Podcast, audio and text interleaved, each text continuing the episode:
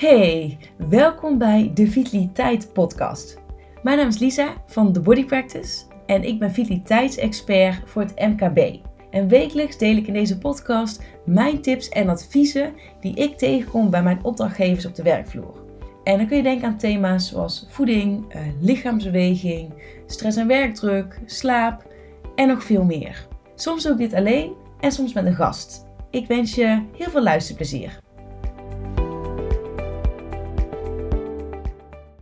Hey, vandaag wil ik jou eh, meenemen in wat nieuw breinonderzoek ons eh, leert over ons brein. Er is namelijk recentelijk een nieuw breinonderzoek gedaan. Eh, en er zijn best wel wat interessante bevindingen uitgekomen. die, die ons dus meer leren over waarom we mentale vermoeidheid kunnen ervaren. Want wat blijkt nou als jij, ehm, als jij lang nadenkt of erg geconcentreerd eigenlijk aan het werk bent voor een langere tijd, dan gaan er afvalstoffen uh, ophopen in de hersenen. En die, die opstapeling van die afvalstoffen, die kan leiden tot mentale vermoeidheid.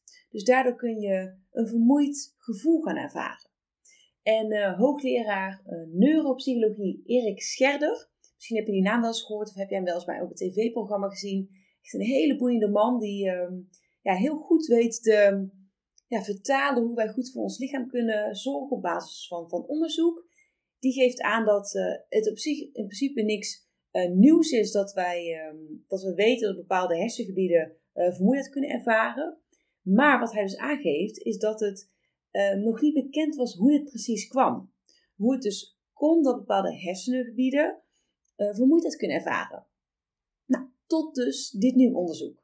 Want dit nieuwe hersenonderzoek geeft daar dus antwoord op. Echt vet interessant. En ik dacht zeker ook de moeite waard om hier op de podcast een, eh, een aflevering aan te wijden. Want wat toont dit onderzoek eh, nou aan?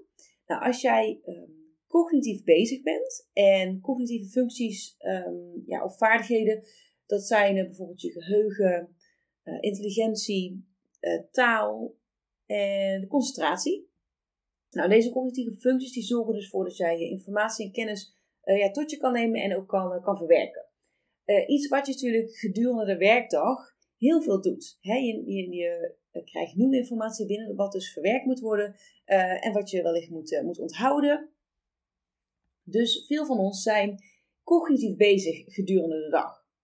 Nou, wat blijkt dus als jij cognitief bezig bent voor eigenlijk een langere tijd, dat dan um, een van de neurotransmitters overbelast raakt. En een neurotransmitter, dat is een, eh, is een signaalstofje.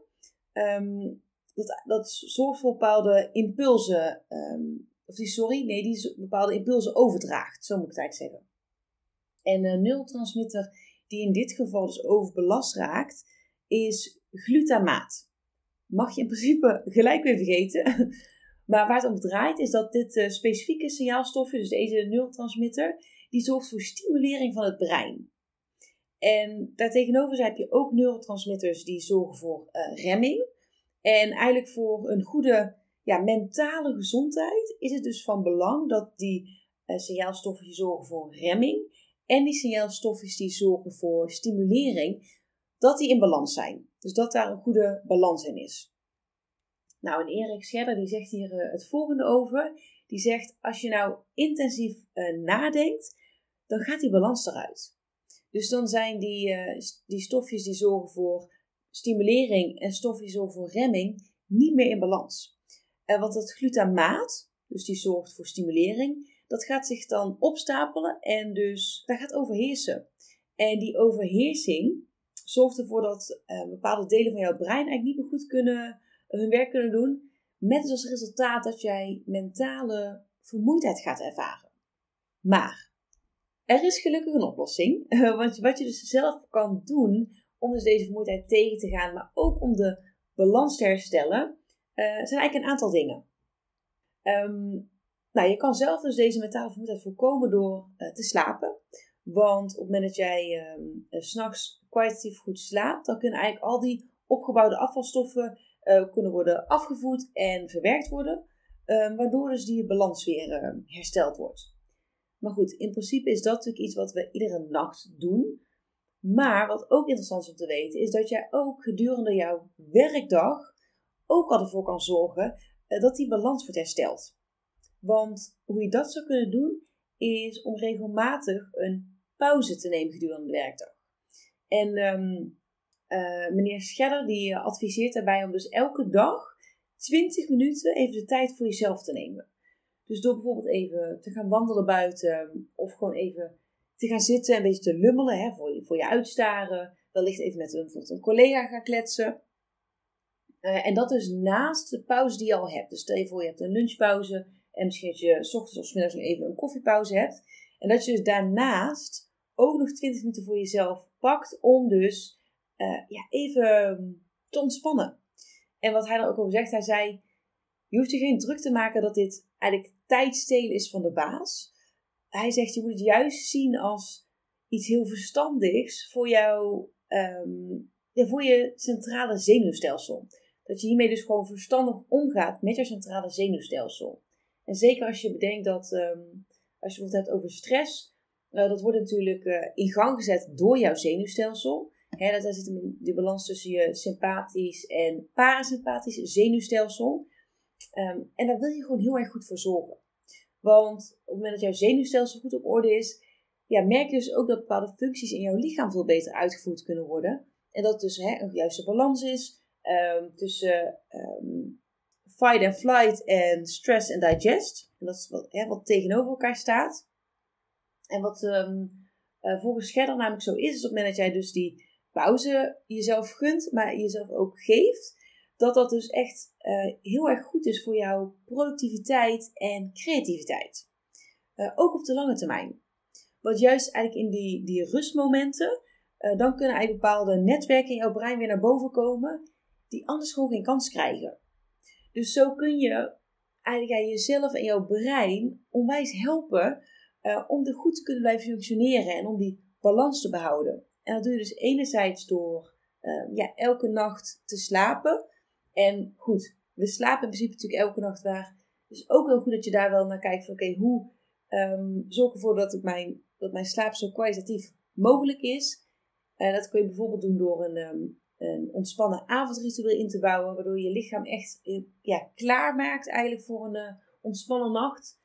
Maar ook ervoor te zorgen dat je dus niet, um, niet te veel gaat piekeren s'nachts of dat je niet te veel elektrische apparaten in je, um, in je slaapkamer hebt. Dus je telefoon op vliegtuigstand zetten. Uh, maar ook dat je niet voordat je naar bed gaat nog naar blauwe licht kijkt. Want dat zorgt juist weer voor een ja, prikkeling van het brein. Um, waardoor je juist weer wakker wordt. Dus er zijn allemaal ja, kleine dingen die je kan doen om, um, ja, om je lichaam eigenlijk ja, zo goed mogelijk klaar te maken voor een kwalitatieve goede nachtrust.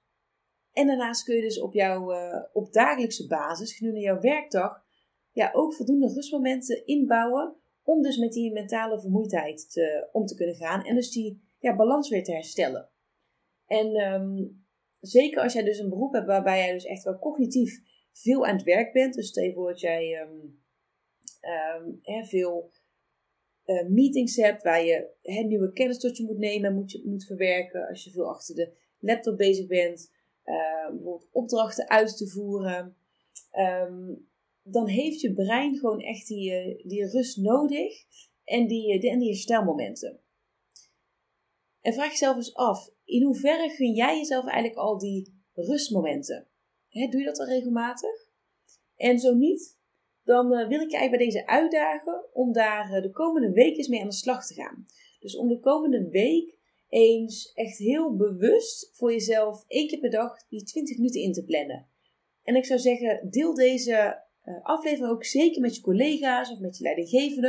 Want het is natuurlijk heel interessant om hier um, vanaf te weten. En zo kun je natuurlijk met elkaar ook kijken van hoe kunnen wij dit nou op de werkvloer gaan implementeren. Ja, zodat je eigenlijk zo productief en creatief mogelijk um, te werk kan gaan. En uiteindelijk zal jouw baas daar uh, ook heel blij mee zijn als jij gewoon goed, uh, goed je werk kan uitvoeren. En lekker in je vel zit en ook gewoon voldoende ja, ontspanningsmomenten neemt. Ik hoop dat jij dit onderzoek ehm, en met name de bevindingen ja, net zo interessant vond als dat ik ze vond. Ik vond in ieder geval ja, de moeite waard om daar even een podcast voor op te nemen. Dus ik zou zeggen, doe er zeker je, je voordeel mee. En mocht je vanuit daar nou uh, nog vragen hebben, over hoe je dit ehm, ja, nog meer kan implementeren of eh, ja, meer over het onderzoek, dan ehm, voel je zeker vrij om mij eh, te benaderen. Dat kan bijvoorbeeld via LinkedIn. Daar vind je me onder uh, Lisa Huiskamp of The Body Practice. Mag me ook een mailtje sturen naar info@thebodypractice.nl. En ik zal in ieder geval de link naar dit onderzoek ook in de show notes zetten. Dus dan kun je die ook altijd nog even raadplegen. En ehm, ja, ik hoop in ieder geval dat je ermee aan de slag gaat. En dat het ook weer ja, nuttig voor je is geweest. En dat was hij weer voor vandaag. Ik wil je onwijs bedanken voor het luisteren naar deze podcastaflevering van de Vitaliteit Podcast. Ik hoop dat hij ook vandaag weer onwijs waardevol voor je is geweest.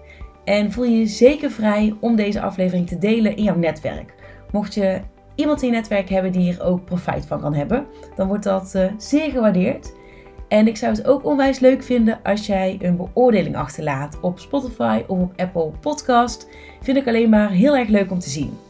Nou, ik hoop dat jij de volgende keer weer bij bent. En voor nu wil ik je in ieder geval nog een hele fijne dag wensen.